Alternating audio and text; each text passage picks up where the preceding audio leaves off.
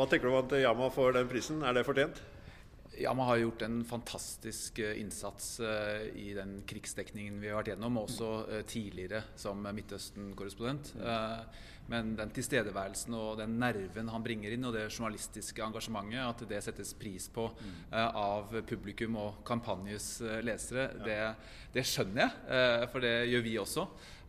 Og nei, dette, dette er krevende journalistisk, men tilstedeværelse er jo uhyre viktig for oss. Og den jobben som Yama gjør og, resten av utenriksavdelingen eh, det, i disse dager, eh, det, det, krever sitt. Og den type anerkjennelse er selvfølgelig noe vi setter veldig stor pris på.